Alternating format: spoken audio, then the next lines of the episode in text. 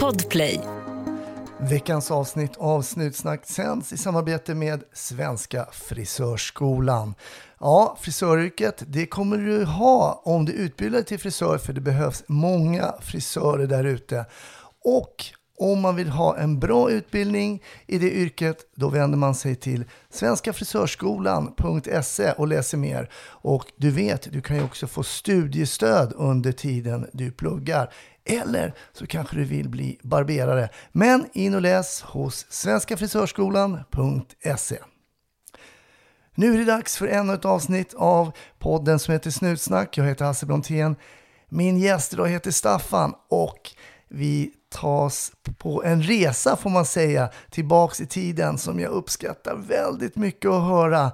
Vi får höra ord och uttryck som vi inte har hört på ett tag. Alldeles strax kommer Staffans berättelse och vill du ha den helt komplett så går du in på patreon.com snutsnack där du får hela avsnittet utan reklam. Ja, det finns väl egentligen inte mer att säga än att eh, vara försiktig där ute och ha en riktigt trevlig lyssning. 1310 570 kom. 1310 Odengatan kom. Ja, det är uppfattat. Vi tar det. Slut. Bra. Klart slut.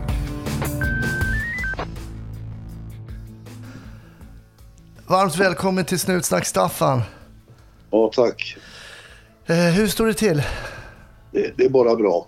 Ja, härligt, härligt. Jag vet att du sitter en bit från mig, jag är i Stockholm och du är någonstans i närheten av en silvergruva kanske? Ja, Sala, i Sala, mitt i stan i Sala. Ja. Silvergruvan stad, ja. Och jag vet att du är inte aktiv som polis längre, men du har, har jobbat som polis. Är det hela ditt yrkesverksamma liv eller? Ja, för, 44 år då. Ja, det är ju helt otroligt alltså. Mm. Hur, hur kommer det sig att det blev det yrket? Var det något som du hade tänkt att ja, men konstapel är nog bra? eller?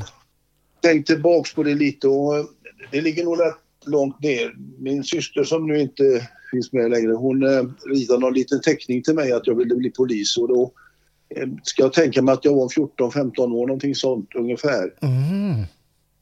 Så så tidigt kommer det nog igång då. Det var nog mest för att det var fina uniformer och mycket guld och knappar och sånt, det tror jag.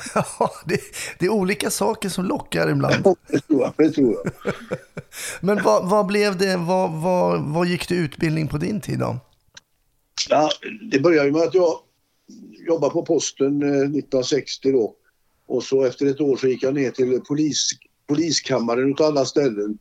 Eh, som var som man nästan kan tänka sig eh, komma in i Kungliga slottet på ena sidan. Det var ju folk klädda i kostym och, ja, och, och i sådana här svalrockar, de som inte var då höga tjänstemän Ah. hade ljusblåa kläder och mycket, mycket fint. Och så gick jag dit eh, dum nog och sa, frågade om det fanns något arbete och att jag var på posten och inte tyckte att det var lika bra. Ah. Då, då, då var det någon eh, kontorsherre som hette Kvensel som skrek åt mig, det finns inga arbeten här. Alltså, Och, och då hade jag hört mig för med någon som jobbade där, för jag var ju på posten och såg någon som kom springande därifrån polisen, någon postbud som kallas ordonnans då. mm. Och då sa han, du kan ju fråga där uppe och, och vad, har, vad har han, hette man, man fick ju inte eget namn utan vad har han i handen? Ja, betyg. Får jag se på dem, sa han. ja. Fruktansvärt dåliga betyg. Ja, ja, ja, och det var de, de var inte underkända, men de var dåliga. ja. Och eh, då, eh, jaha, så- så, det är bara att han ger sig iväg då. Ja, så ska jag ta mitt, tack om jag får kuvertet. Nej, det tar jag hand om, sa han. Så jag fick inget kuvert med mig. Sen ringde de en vecka senare fick jag börja där. Jaha, okej. Ja, som semestervikarie som polisordonnans så fick jag en sån där svart gammal polis, eller mörkblå ka- poliskappa avlagd då och en båtmössa på huvudet med en knapp i. Ja. Och hur gammal var du då? då? Hur gammal var Ja, du? då var jag ju, då var jag ju 16 år va. Okej. Och det var väldigt bra för jag kom ju mitt upp i det här smöret där det var ju närmast som att stiga in i himlen på den här poliskammaren som var där polismästaren satt Hugo Hövd och alla höga chefer och, och då blev man ju hand för alla. Man fick koka tevatten åt dem och springa omkring och kä- som en kall faktor och känna upp. Ja, Åh jäklar, det var verkligen andra tider. ja det var ju bra. Va? Det, och sen var det ju en gång varje halvår så var det ju sån där disciplinförhör med poliser som inte hade skött sig. Ja. Och då fick man duka fram mot dem då in i sessionssalen så att, eh, och då skulle alla kommissarier dit i sessionssalen och sitta och skälla på den där stackaren som hade gjort någonting. Och då fick han, ja, då fick han stå vid ett bord utan stol. De andra satt och eh, varje gång som det här hände så kunde man inte låta bli så öppnade man ett elskåp och lyssnade på alltihop. Ja. Ja, då hör, visste de inte att vi smyglyssnade. Och, och din drummel, och du gick utanför linjen. Medger du det? Du var borta på elvans linje och sprang. Vad hade du där att göra? Skulle du gå, på, fi- skulle du gå fika eller? Ja, ja så här. Ja. Just det, det, det kanske vi ska berätta för lyssnarna. För när man pratar om en linje, det, min farsa jobbade ju som polis också och han berättade att de, gick ju, de hade ju givna stråk som de bara Ja, fick gå. lin- linjepatrullering. Linje, då skulle man patrullera just på den linjen och man fick inte lämna linjen. Nej, nej. Och så har du varit inne och fikat på den Johans, Johanssons konditori. Erkänner du det? Ja, sa de då. Bannade dröm. Ja, så, ja, ja, ja, så höll de på. Vet du. Och så var de riktigt rumliga och gjort något riktigt fult så kunde de få löneavdrag i tre dagar. Ja, Ja, mm. och var det riktigt besvärligt så kunde de få vara hemma en vecka hos frun. det var det, det stora straffet var hemma med frun en vecka. Ja, ja. Nej, vilket, år, vilket år pratar vi om nu? Det här är 61 alltså till 65 då jag kom in i militärtjänsten och sen eh, återvände sen då eh, efter militärtjänst på, på åren 65 och började som polisaspirant då. Ja. Ja. Och, Och den var lokal den utbildningen, gick i Göteborg på Statens polisskola som det hette. ja, då fanns det, sta- ja, det fanns i Göteborg också då. Ja, För då var det statligt 65. ja var det Statens polisskola. Just det, just det, just det. Men visste du sen vad du skulle jobba efter du var klar där? Nej, det, det, det fick man ju skriva upp då. Det var ju sex vaktdistrikt och det var inte att tänka på att komma någon annanstans. Så jag hamnade på första vaktdistriktet. Jag var ju född i Olskroken så det passade ju okej. det viset. Och, då kom ju nästa grej in att man gick ut i de här kvarteren i Olskroken, den gamla arbetarkvarteren och kände ju folk igen den. Och då, jag vet vid ett tillfälle stod Sota-Raffe på taket eh, och skrek "Du, Du Staffan, skrek Staffan, du, vet morsan om att du går där ute? Tänk om det kommer någon och tar dig du? Men det, alltså det tycker jag låter som, det låter som en svunnen tid nästan när Sotar-Affe Ja, står och, när de hade de här gamla smeknamnen och det. Ja, det, ja det, du vet alla poliser i Göteborg, och nu vet inte jag mitt eget öknamn, men alla hade öknamn. Ja, det var så. Ja, Blå tummen hette en och 99 hette en och Prosten hette en och Ja. Ja, så det var... Men det fanns även fula öknamn, men de tog jag inte in på här då. Nej. Ja, vi hade ju en del, eh, alltså så här, en del hette Kry, någon hette Krylbo, han, det var för att han var från Krylbo. Ja, Eh, och det vet jag, en aspirant, han skrev då, jag och inspektör Krylbo, han bara, vad fan jag heter väl inte Krylbo, jag heter ju Larsson. jag är från Krylbo. ja, ja men så var det. Va? Jag, jag vet att jag ringde ner när jag hade kommit hit ut till Sala efter en sju år då. eh, Flyttade ut till Sala, Sala Heby då, och eh, då ringde jag ner och skulle ha tag i någon och kom inte ihåg vad de hette. Men jag hade bara öknamnen.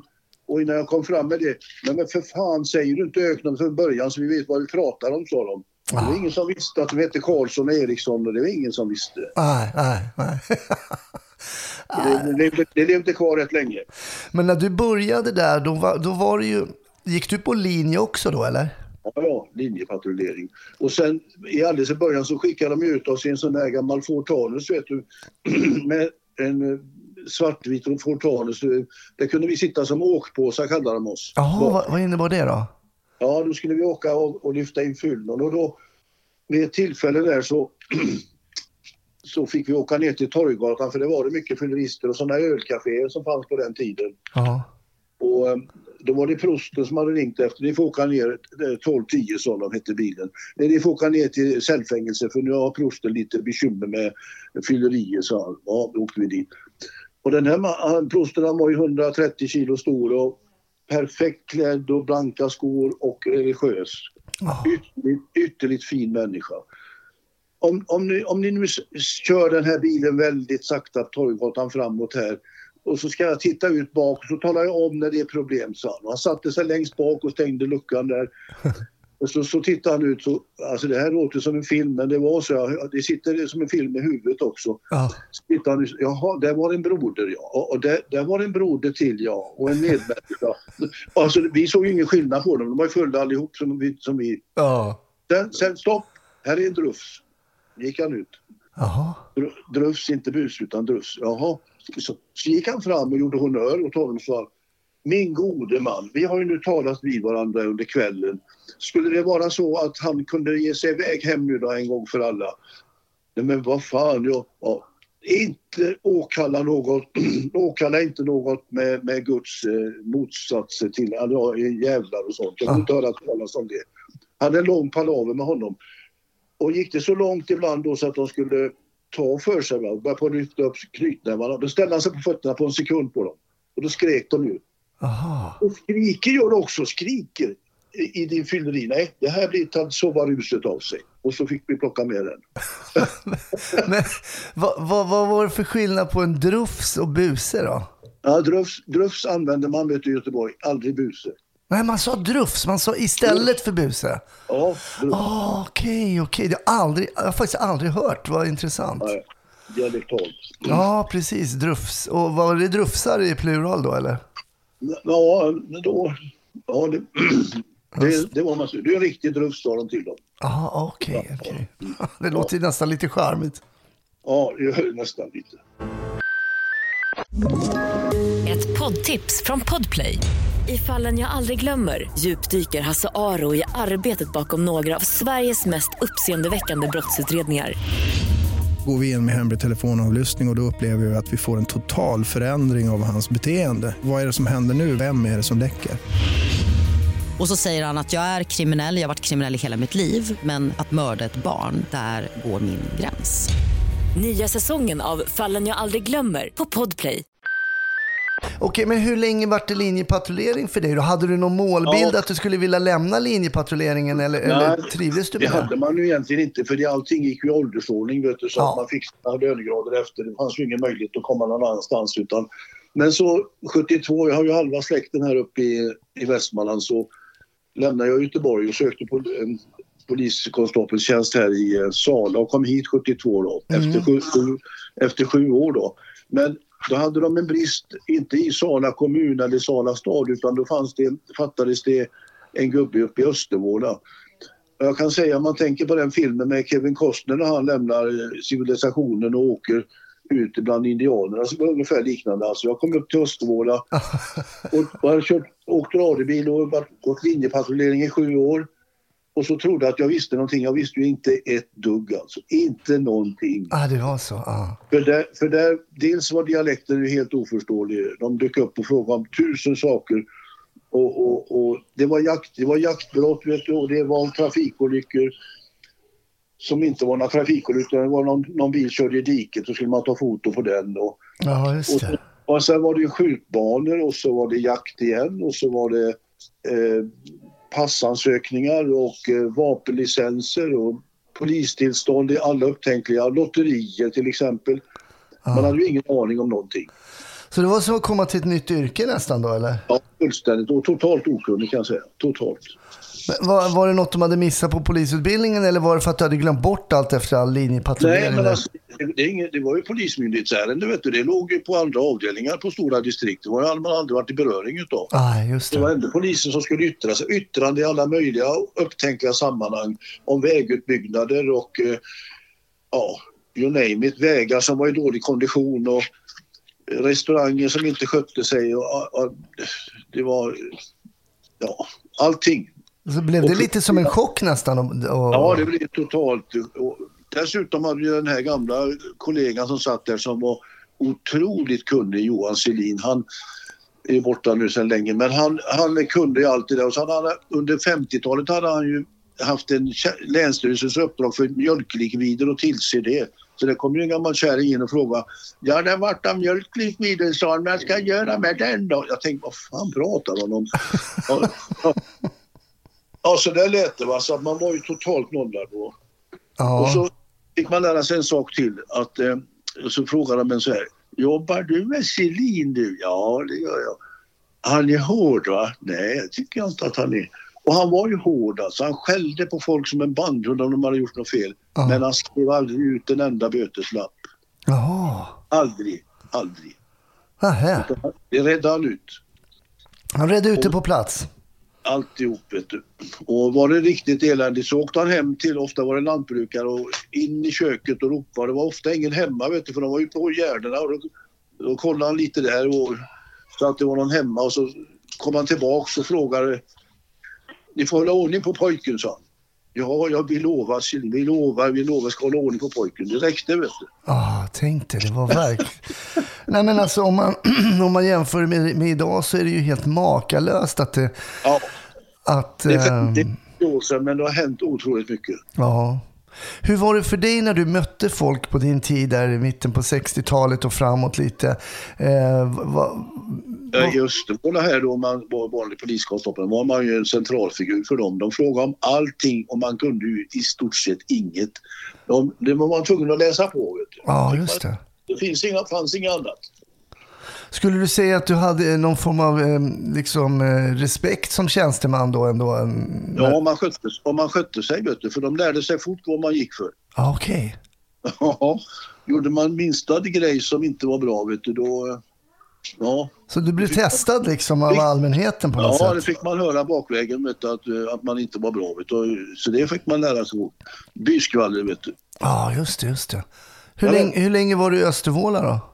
Ja, sen blir det inte så länge för sen blir det en brist här på krimmen. Kripo hette ju det i Göteborg, men här uppe heter det krim då. Ja, Och, och då eh, fattades det en gubbe på, för det var en kollega som slutade och då, då tog de in mig till krim här och det var ju nästa utbildningsomgång för det kunde man ju inte heller någonting utav.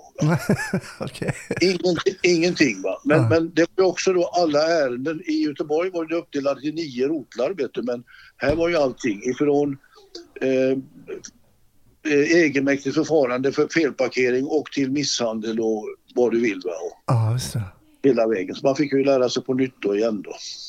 Ja, Och sen hade ju åklagaren nära vet du, och en av åklagarna var utav den att han ville att så fort ett ärende var på en, vi säger en 20-30 sidor tjockt papper, va, då ville han att man skulle vara med vid rättegången.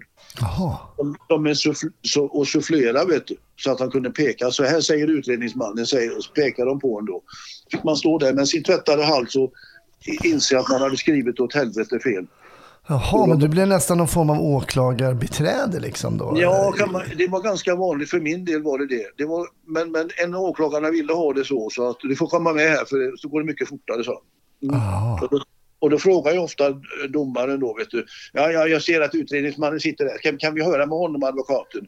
Jo, så gjorde man ju det då, så redde man ut vissa saker. Okej, okej. Ja, Men det, det var ju nästa där då, i, i, i anstalt va. Där fick man skärpa sig och Va- se att minsta, minsta brist i utredningen så fick man ju sitta där och se i- ut som en idiot. ja men så var det ju. Ja. Hade du några ärenden där som du kommer ihåg idag, liksom, som när du började på krim? Liksom, som... Ja, vi, ja, vi hade ett... Eh, det var ju Stockholm, men jag kan ju härma dem lite. De hade, de hade vi spanat på en tid. Vi hade ju så lyckligt då. Vi var 50 poliser på de här två kommunerna. Ja. Idag är de kanske 15 och de har... Vi hade 1000 ärenden om året och de har idag 4 till 5 000 om året. De har alltså ingen möjlighet att lämna station utan de bara sitter inne och skriver. Och det är fullständigt, fullständigt vanvett kan jag säga. Ja, det är klart. Mm. Vi hade i alla fall spa- spanat upp genom Chall då en spritbutik ute i Vittinge. Men det var ingen vanlig butik utan det var stockholmare på två pojkar. Jag minns det mycket väl. Va? Ja. De har åkt, åkt ner till Stockholm och fått s- eh, tag i någon firma som sålde teknisk sprit i fat, alltså 200 liters fat. Jaha. Där de släppt ut i en lada i Vittinge och gjort i ordning en pumpanläggning så att de pumpar upp teknisk sprit på, på ladu, på rännet som vi säger på, på gammalt, eller på skuld som de säger här, skulden. Och så rann eh, spriten i eh, aktivt kol i rör då och renades ifrån denatureringen och så såldes det till restauranger bakvägen då i dunkar. Ja. Och, och det slog vi ju till på en, en vacker dag och, och då var ju han också med den här polisinspektören Selin och han hade ju en, ja man ser det som en film, alltså en Tordenstämma. Vi gick ju omringade det där stället och de hade, vi visste att de hade en hagelbössa de här som stod inne, det hade vi spanat Okej. fram. Så de sprang ut med sin hagelbössa och då skrek han när han kom ur skogen med fyra, fem kollegor. Stå still era jävlarna så, så smäller det. Och du vet, jag har aldrig sett några människor stå så stilla någon gång i hela mitt liv. De blir skiträdda för honom. Och så blir de gripna i alla fall och så blir det rättegång. Och då, det enda jag minns från rättegången det var ju den fina lagmannen Arnlund. För övrigt bror med han Arnlund i akademin. Erik Arnlund är borta nu då. Då säger han så här, ja, ja, ja, jag vill gärna veta hur hade ni tänkt det här eh, Karlsson Olsson, hur, hur, hur, hur, hade ni tänkt den här eh, tillverkningen? Ja, alltså, alltså domaren, alltså, vi, vi skulle göra lack alltså. Eh, och, och, och, och, och, så, och så blev det ju sprit utav det. Ja, ta- tack så mycket, det räcker så. Tack, tack. tack. Det var deras, eh, det var deras eh, ursäkt. Ja. Ja, ja, ja, tio månader. Ja, de fick tio månader. Ja. Jag ska göra lack. Ja, jag tycker det är fantastiskt eh, härligt att höra om den här tiden när en konstapel kan skrika stå Ja. still, annars smäller det. Det, det, Ja, det smäller det. det är inte de här, nu går man de här, um, Nej, de stod, de stod som två var spikade i ett brännässlesnår. Jag minns det så väl för vi kom från andra Ja. hållet. De vågade inte röra en fen. De vågade inte röra en fena. Nej. ah, vad roligt. Jaha, men, men, men ärendena då, då, som du beskriver, så det skiftade allt från den här felparkering upp till, Ja. hade ni mord också eller? Ja, vi hade något mord på Salberga eh, inom verksamheten. En flicka som blev strypt av en annan patient. Ah. Och, Mm. eh, det, det som var intressant där det var ju att vi fick upp en rättsläkare från eh, Linköping, jag tror han heter Lindberg. Eh, Ska vara osagt, men han bodde hemma hos mamma. Mycket speciell person. Mycket Ah. speciell. Och han, han gick igenom denna stackars eh, döda människa, en, en ganska ung flicka. Och, och eh, var så otroligt noggrann så det lärde ju en mycket om hur man ser som rättsläkare hur otroligt viktigt det är att varje detalj är Mm. med. Va? Mm. Och, och eh, då var det ett par andra läkare från Sala lasarett in och tittade lite men de tyckte att det blev så jobbigt och invecklat alltihop så att de gick därifrån efter en stund och ryckte på axlarna.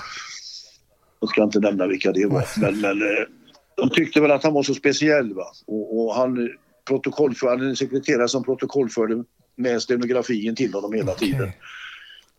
Så, så ja, mycket speciellt. Men eh, det var det, så det var ju inte någon utredning egentligen. Det var ju ganska klart. Det var en annan stackars patient som hade strypt henne. Annars hade vi nog inget öppet nu som jag minns så. Eh, och, Men blev du kvar på krim? Ja, jag blev kvar fram till 1980 då. Eh, eller 1970, eh, 1980 ja, för då eh, hade jag ju också skilt mig och gift om mig och då hade vi, min nya fru fått tvillingar och då eh, gick jag ner som, eh, på ordningen då som hette ordningspolisen som yttre Ja, befäl. Mhm. Och, och eh, var där i fyra år medan de här växte upp något sådär. Och sen fortsatte jag på krim och hade rätt eh, mycket, flera tunga ärenden och även lite roliga ärenden för att eh, bland annat så var det en Porsche-firma ute i Heby som öppnade helt eh, hux flux bara. Porsche-bilar, det är ju ganska Ja. udda. Sportbilar? Och den här, ja en tysk eh, som hade den, han hette Dieter i förnamn och eh, det blev stort som 17 och en massa fina människor dök upp och alltså jag menar nu lite bemedlade för det var inga vanliga dödliga som köpte Porschebilar på den Ah, tiden. Okej, de hade lite stålar alltså.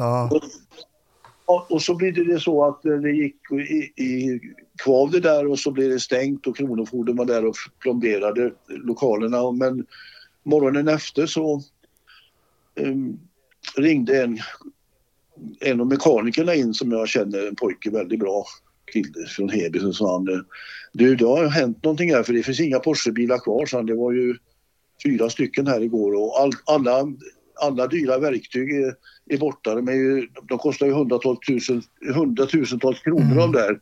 En del verktyg sa han och de är borta så jag tror att han har åkt iväg den här tysken. Jag undrar om inte han är på väg till, till Tyskland. Skulle kunna tänka mig det att de åker hem. Ja, med stå, med, kanske med lite stålar då. Ja, pengar trodde han, det visste han inte men, men alla dyra verktyg då som var, var borta då. Och en, den dyraste Porschebilen, en, en Porsche 928 alldeles eh, nytillverkad, var ju värd på den tiden har jag för mig uppåt 700 000 med V8 i. Så jag tänkte, vad fan ska jag göra? Det satt jag, och var där tidigt, halv åtta, för jag hade kommit ner tidigt till jobbet. Så jag, det fanns ju inga mobiltelefoner, ingenting. Va? Det här var 90, eh, 86. Då eh, ringde jag in till stationen och sa, har, fick telefonnummer till eh, Politigaden i Köpenhamn. Köpenhamn. Ja, ja, ja. Och, ja, det var ju roligt. Jag fick tag i en kommissarie där som vad, fa- vad fan ringer du, sa han. Ja, jag ringer ifrån polisen i Sala och det gäller en Porschebil som vi tror har gett sig iväg. Och jag har ringt till tullen i Helsingborg och de säger att det gick ut en dyr sån där Porschebil i morse klockan fem. Eh, Så det hade jag ändå kollat då, Helsingborg, Helsingör. Va? Jaha, och, och du, va, va, du, du, du, du vill jag ska pålysa en, en, en brottsling som har åkt från eh, Sverige till Danmark utan ett enda papper. Ja. jag kan inte säga vad du ska göra. Jag bara talar om vad som har hänt. ja. Ja, så var det så jävligt så att... ehm, och han kan ha beväpnad så han kan ha med sig en eh, pistol också, ett hagelgevär eventuellt. Jaha, och hur det än var, jag åkte in stationen, det var lugn och så, klockan 11 ringde de ifrån polit, eh, politi till Rödby. Och, då ringde han själv, den här kommissarien och sa ja, han sitter pågripen i Rödby. För det var storm då så båtarna kunde inte gå, färjorna Ah, låg still. okej. Då hade de tagit honom och sprungit på honom. Han hade en 635 eh, Browningpistol och en hagelbössa i baksätet. Plus 360 000 i kontanter och verktyg. Så han blev ju satt på Maribor fängelse. Jaha. Alltså det var ju det som var med de små krimenheterna. Man fick ju sköta Ja, allting själva. det. Var inte, det, var, det fanns ju ingen rikskrim eller någon. Ja, det fanns det, men det var ju inte att tänka på det utan det var ju snabbare. Så en av våra kollegor där, Lasse Persson, han var ju flygare. Kan inte du åka ner och hämta han flyga dit ner? Ja, men jag, inte, jag får inte flyga dubbelmotorigt, sa han. Nej, men då får vi ta fram en sån pilot och så, ja du vet, allt låg på den här lokala Ja, vad häftigt. Ja. Han ska flyga, flyga hem honom vet du. Ja, men ja, och då åkte det tre, två kollegor med oss och pilot och sådana här dubbelmotoriga maskiner skulle landa på Nackskovs flygplats och, fly, och det gick bra allting och han medgav utlämning för han, han vill inte sitta och vänta på en, en häktning för då tar det ju veckor bara det vet du.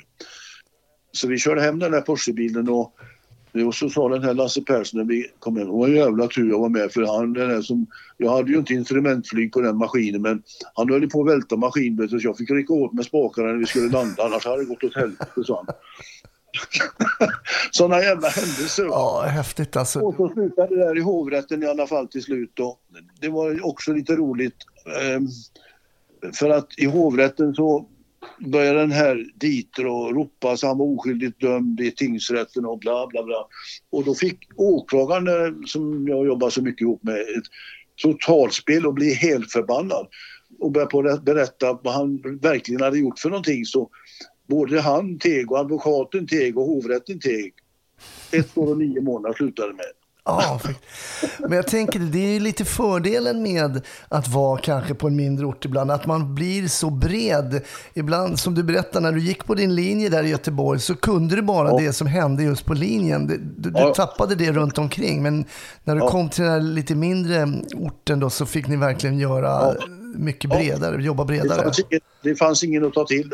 Nej. Ibland kunde vi få ut rikskrim och det fick vi ut i samband med militärligan. Då kom ju rikskrim ut och tittade på våra grejer och hjälpte till. Och jävligt duktigt folk. Ja. Imponerande duktiga människor och rikskrim kan jag säga. Imponerande. Ja, det var så. Ja, Ja, jätteduktigt folk.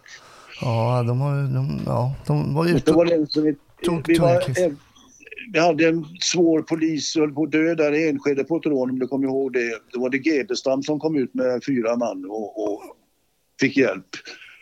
Eh, och ta den här, eh, de här gangsterna som hade stuckit iväg till Norge. Och det var ju också vi då centralt som hjälpte till då.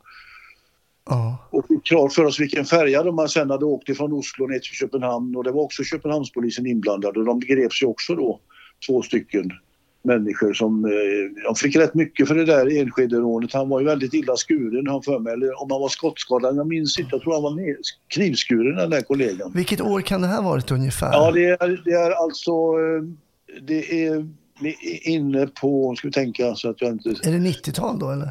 Nej, nej. Nej. Det är inte vet du, utan eh, det är 80-talets början någonting. Mm. Ja, vid, något, vid, något jag. vid något bankrån i Enskede var det. Men det går ju att leta fram det, i vad man vill. Och så. Ja. Ja, bankrån, det, det har det blivit tyst om nu på sista tiden. Det är Ja, inte det mycket finns ju banker. Nej, det finns inga kontanter. Så det var väl det som var största grejen för oss då som jag själv blev lite inblandad i då. Vi Ja. bara, gjorde, bara gjorde en liten grej när vi hade militärligan här. De fastnade ju här de. Just det, precis. Men jag tänker alla händelser som du har varit med om då Staffan eh, under åren och sådär. Hur, hur har det påverkat dig? Har det påverkat dig någonting tror du som person att se allt som en polis Ja. får vara med och se? Alltså, jag tycker det finns två saker till de som ska bli poli- tre saker som de som ska bli poliser. Först ska de ju ha grundläggande militärutbildning tre månader. Det måste man ha. Eh, och sen är det bra att läsa Paulus brev till Korintierna. Vad är det, vilket är det? Det har inte jag läst till exempel. Ja, det är ju kär, kärlekens lov. du. Kan man inte jobba med människor med full kärlek fastän de är jävligt jobbiga att göra med, då är det ingen mening. Vet du. Då ska man inte ha det där jobbet. Nej, nej. Nej, så menar jag. Mm. Och sen ska man inte glömma att det är ju alltså en, på en teaterscen man uppträder. Man måste vara lite känsla för scen. Alltså det går inte att komma och ropa och skrika och, det, och ibland måste man det. Det är inte det att man inte måste men man får välja tillfällena. Så man behöver gå lite, lite tänka in på sig själv att det är, du, är, du är på en offentlig plats hela tiden. Det där var- är så intressant Staffan att du säger. Jag var i förra veckan, eller om det blir förra, för, förra förlåt, så var jag och uppträdde, jag kör ju stand-up comedy och då var jag för polisstudenter och då kom det fram en student till mig efteråt som har jobbat som skådespelare. Ja, Och, eh, och vi pratade just om det, för han har ju gått från skådespelare till polis, jag har gjort lite tvärtom. Och vi sa just det, att vilken fördel man har om man kan vara lite skådespelare som polis, att så att säga vara lite arg fast man kanske inte är det, men man, och sen väldigt glad och trevlig fast man absolut inte är det, utan man måste följa med och vara följsam i de här olika situationerna. och det svåraste är ju att vända på det på en halv minut. Va? Det måste man lära sig. Ja. måste. Du kan inte vara arg och du kan inte vara glad hela tiden. Utan och så måste du ha aggressivitet ibland så att du skrämmer livet ur dem. Och så, så lika snäll en, sekund, en minut senare. Ja, Så det är svårt. Men det är skådespeleri, exakt så är det. ja. Det är i alla fall min uppfattning.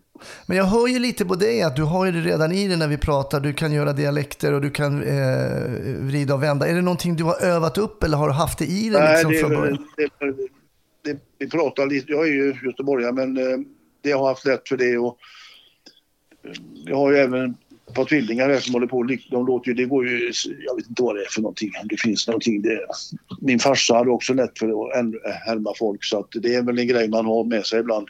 Ja. Har, Det kan vara lite bra, det kan vara lite bra ibland också. Det är ju skådespeleriet igen det va, så det är väl inte Ja. alldeles fel.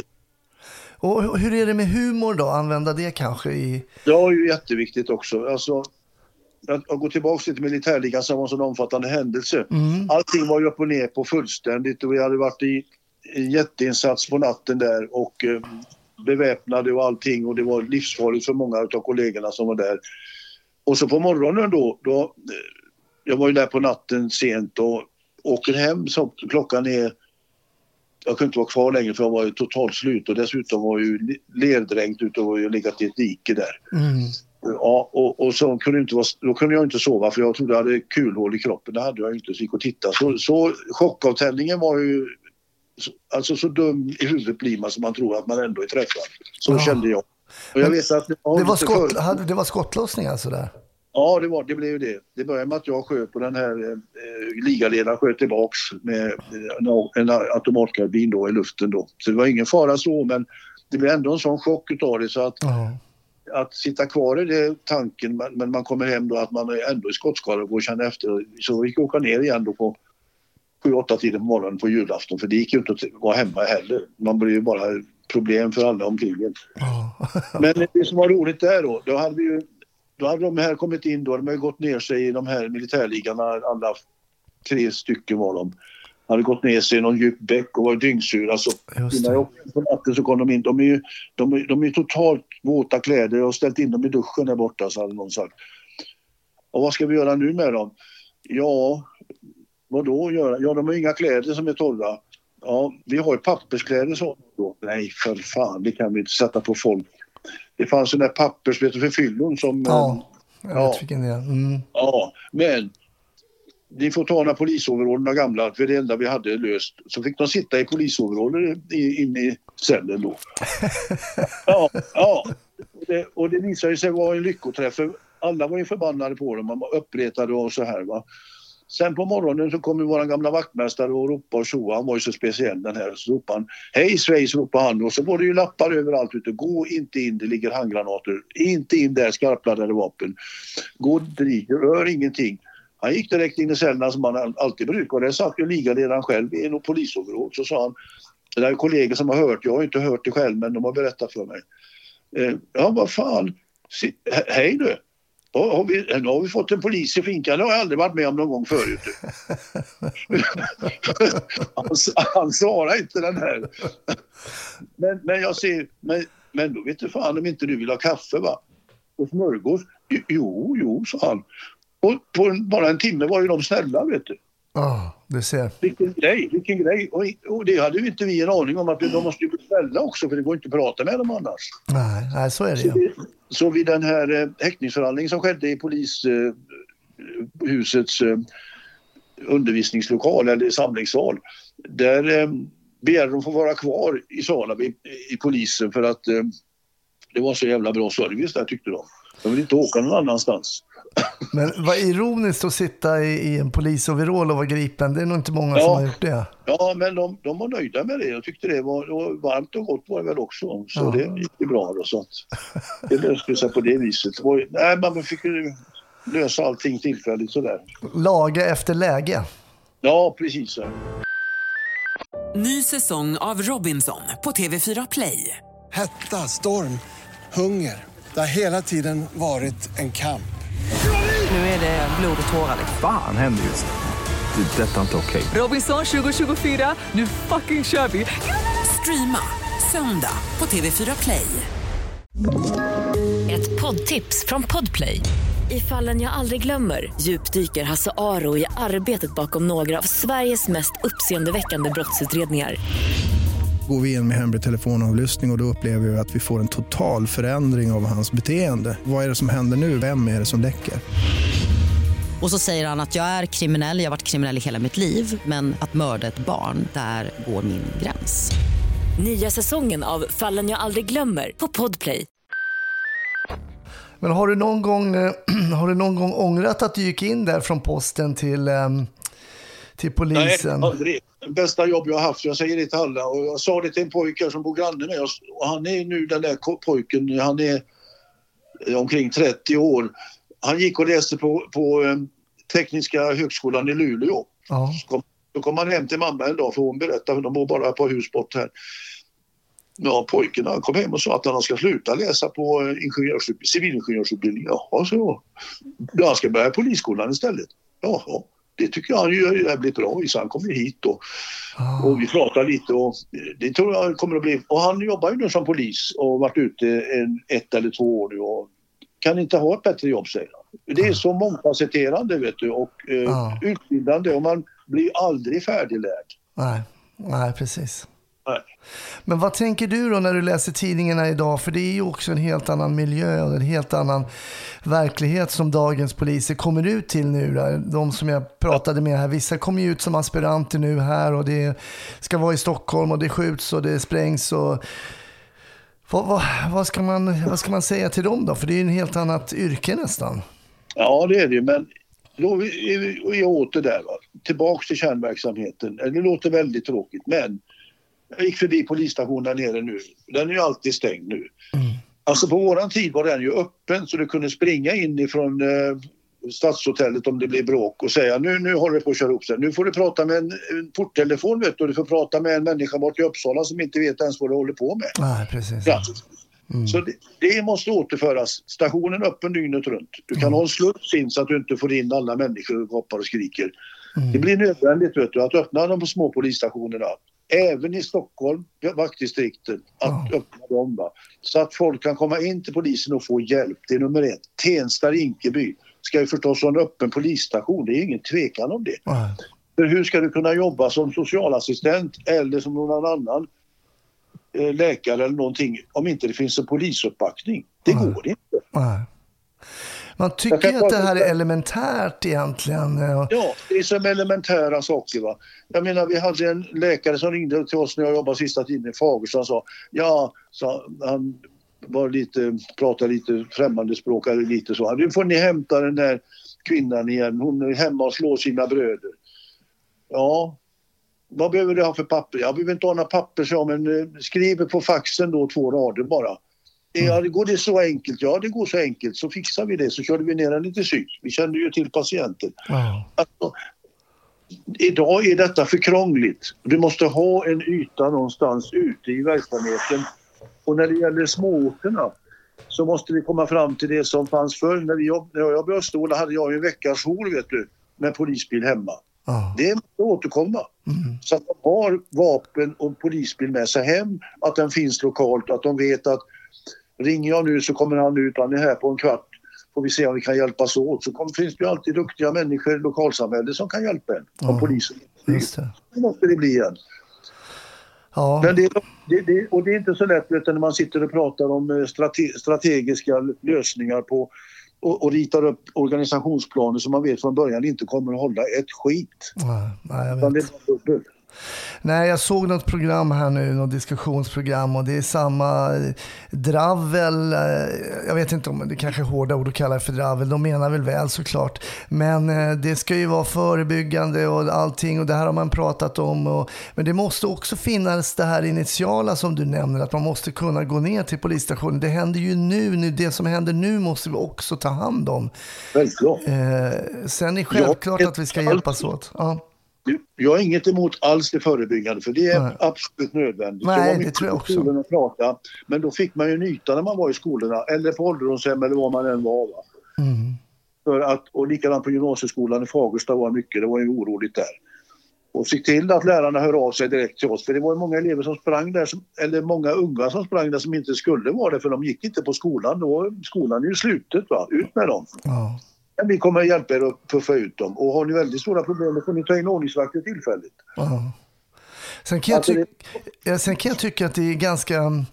Man säger ofta förebyggande, men om man, jag vet inte exakt, exakt vad det innebär. Det låter väldigt bra att vi ska förebygga och för, men vad innebär det egentligen rent konkret? Ja, jag kan gå tillbaka till, till Fagersta när jag, jobb, jag var som närpolischef där på slutet.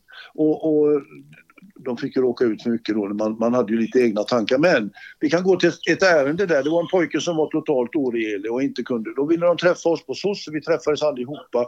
Ja, då kunde alltså inte barnpsyk och SOS prata med varandra. Nej. Utan då blev det polisen som var en överbryggande...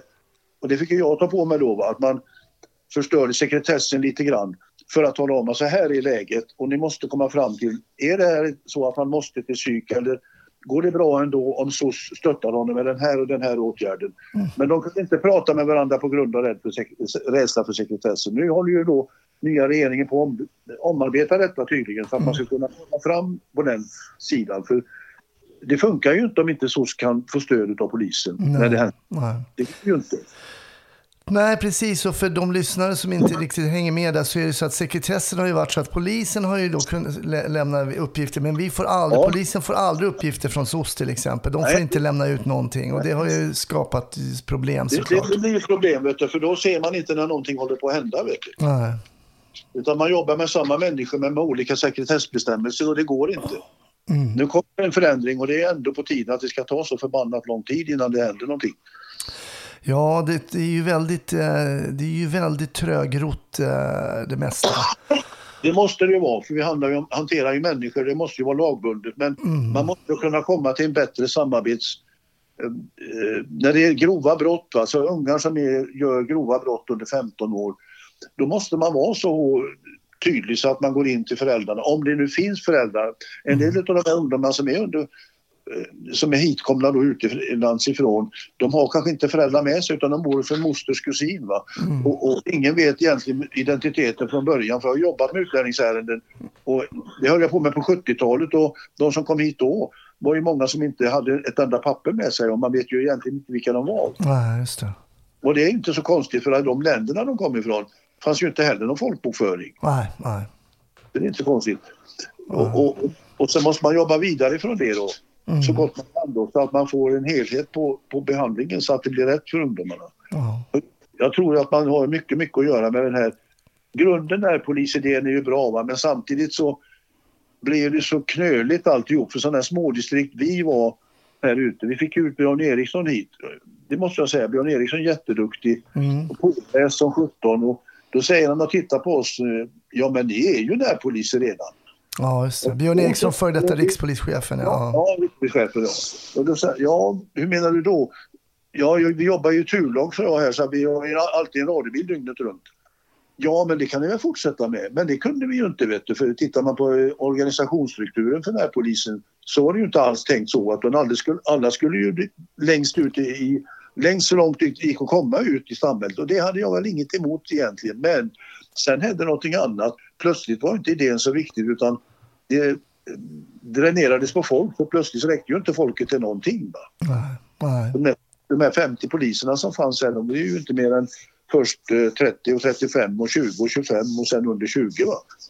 ja, det är en otrolig skillnad.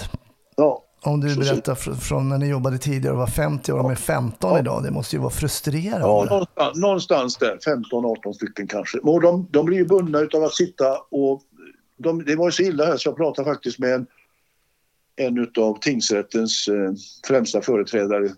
Sa att tingsrätt, inte noga vem man är men jag var, jag var nere och försökte göra en anmälan sa han häromdagen. Och Det är alltså det är bara några veckor sedan. Mm. Det fanns ingen som kunde ta emot en anmälan. Nej, vad var de då? Ja, de, de, eh, de hade inte det programmet just den dagen så att, och då ringde jag och tänkte att ringa 114 14, det går ju inte, det kommer man ju inte heller fram. Nej, det är inte okej. är- Du kan inte ha det så. Det är grundlagsskyddat att du måste kunna göra en anmälan i, i rätt tid. Ja, precis. Så kan det inte se ut. Så att det, må, det, det måste till mycket stora förändringar och det måste till snabbt. Mm. Ja. Så är det. Men var, var avslutade du din polisiära karriär? Var du kvar där då? Eller? Ja, det var, ju väldigt, var också väldigt roligt. Jag fick, ju, jag fick en förtidspension för jag är ju väldigt pratig som du hör så de tyckte att... Det fattas, får det vara nog.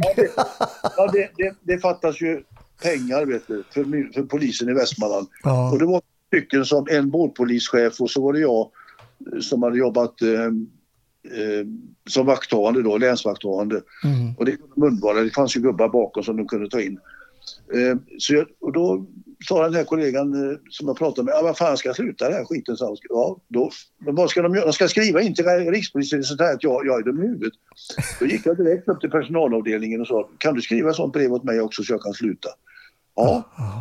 Och, och det gick bra, det gick på tre veckor. Men sen på hösten då när hade gått hem då så ringer man igen så vill man ha hjälp med utbildning utav det skulle man ju, det har ju varit jätteroligt men man hade ju inte förmåga till det. Det- Att utbilda de här PKC-assistenterna.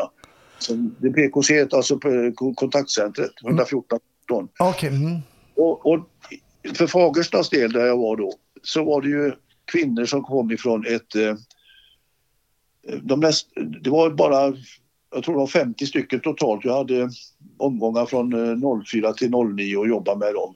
Och eh, de kom ifrån ett översättare och ett eh, bokredigeringsförlag vet du. Okej. Och, och så när de kom första dagen, jag glömmer aldrig detta, så hade jag lagt fram en tjock lagbok och straffrätt och civilrätt och sådär. Det blir ju en liten hög med böcker. Och så sa jag, bli inte rädda nu för det är tio veckors utbildning. Så ta inte hem det här utan vi pratas vid imorgon. Så pratar jag lite som jag gör nu då fram och tillbaks. Ja.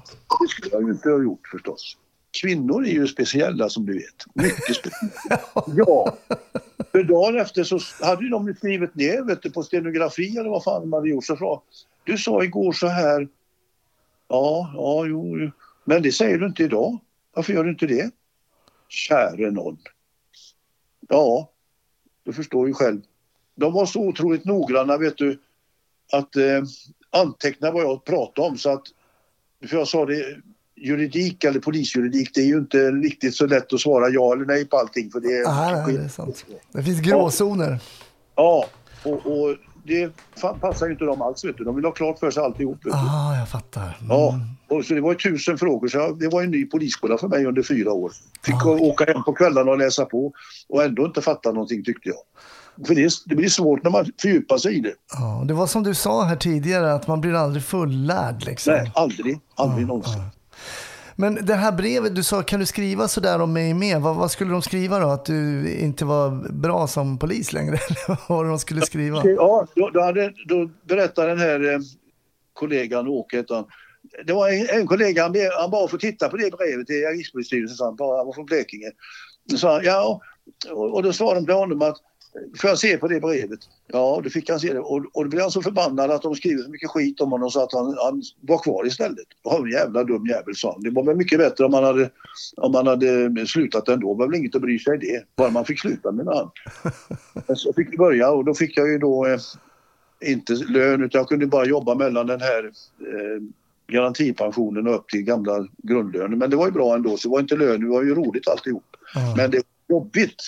De var ju jobbiga. Men jag har ju kontakt med dem fortfarande och det är ju skojigt, en del utav dem. Men hur var känslan liksom att, ehm, att avsluta en hel poliskarriär och förstå, nej men nu är det, nu är det över liksom. Hur, hur, Ja, är, det, men- hur är den känslan? Och jo, men alltså, det går ju aldrig över. Så när min lilla hustru är med och är ute och handlar så är jag ju polis i alla fall. Jag ser en snattare, jag luktar mig till dem. Ja, det går aldrig. Nej. Ja, det går ju inte vet du. Eller någon som ska bråka. Nu sist på valet här, då blev det ett himla väsen och jag var vid ett valtält och, och så blev det ett himla väsen på, på ett annat ställe och det var en eh, eh, sånt här lokalparti då som, som väldigt eh, försiktig politik och mer, bara mer inriktad på lokala frågor. Då kom det dit en, en kille från ett menarland och började gapa och skrika att de var rasister och eh, de skulle hängas och då, Ja, då var man ju där vet du, och ställde sig med ryggen åt honom. För man kan ju inte titta på dem för då är det ju färdigt direkt. Det går ju inte. Ja. Det, går, det är som att titta på en hund vet, och utmana till ett slagsmål. Utan, så han fick ju stå skälla över ryggen på oss. Vi kom några stycken så, så vi står bara så här med ryggen åt honom. Så får vi se om det lugnar ner sig. Det gjorde det till slut men väldigt otrevligt. Och, Ja. Så det, går det går ju aldrig över det här. Nej, det sitter i. Jag har ju ingen polisbricka, jag är en gammal har jag som inte är värd någonting. Men, men jag går ju inte, det, det går ju aldrig över. Man tänker, jaha, här blir det nog någonting. Mm.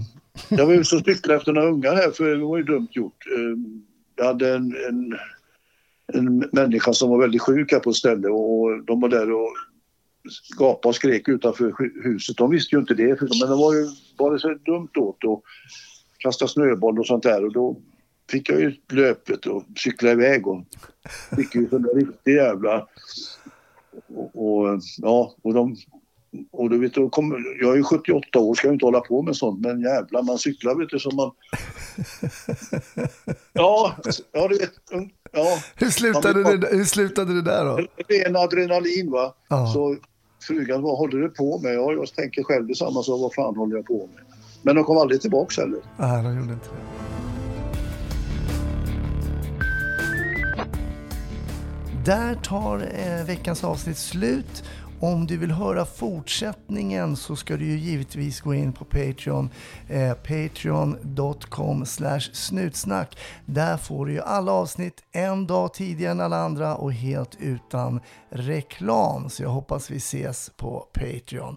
Annars kommer det ju givetvis ett nytt avsnitt i nästa vecka. Ha det bra fram tills dess. Hej så länge.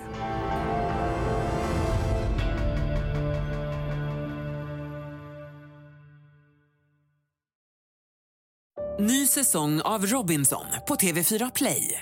Hetta, storm, hunger. Det har hela tiden varit en kamp. Nu är det blod och tårar. Fan händer just nu. Det. är Detta är inte okej. Robinson 2024, nu fucking kör vi!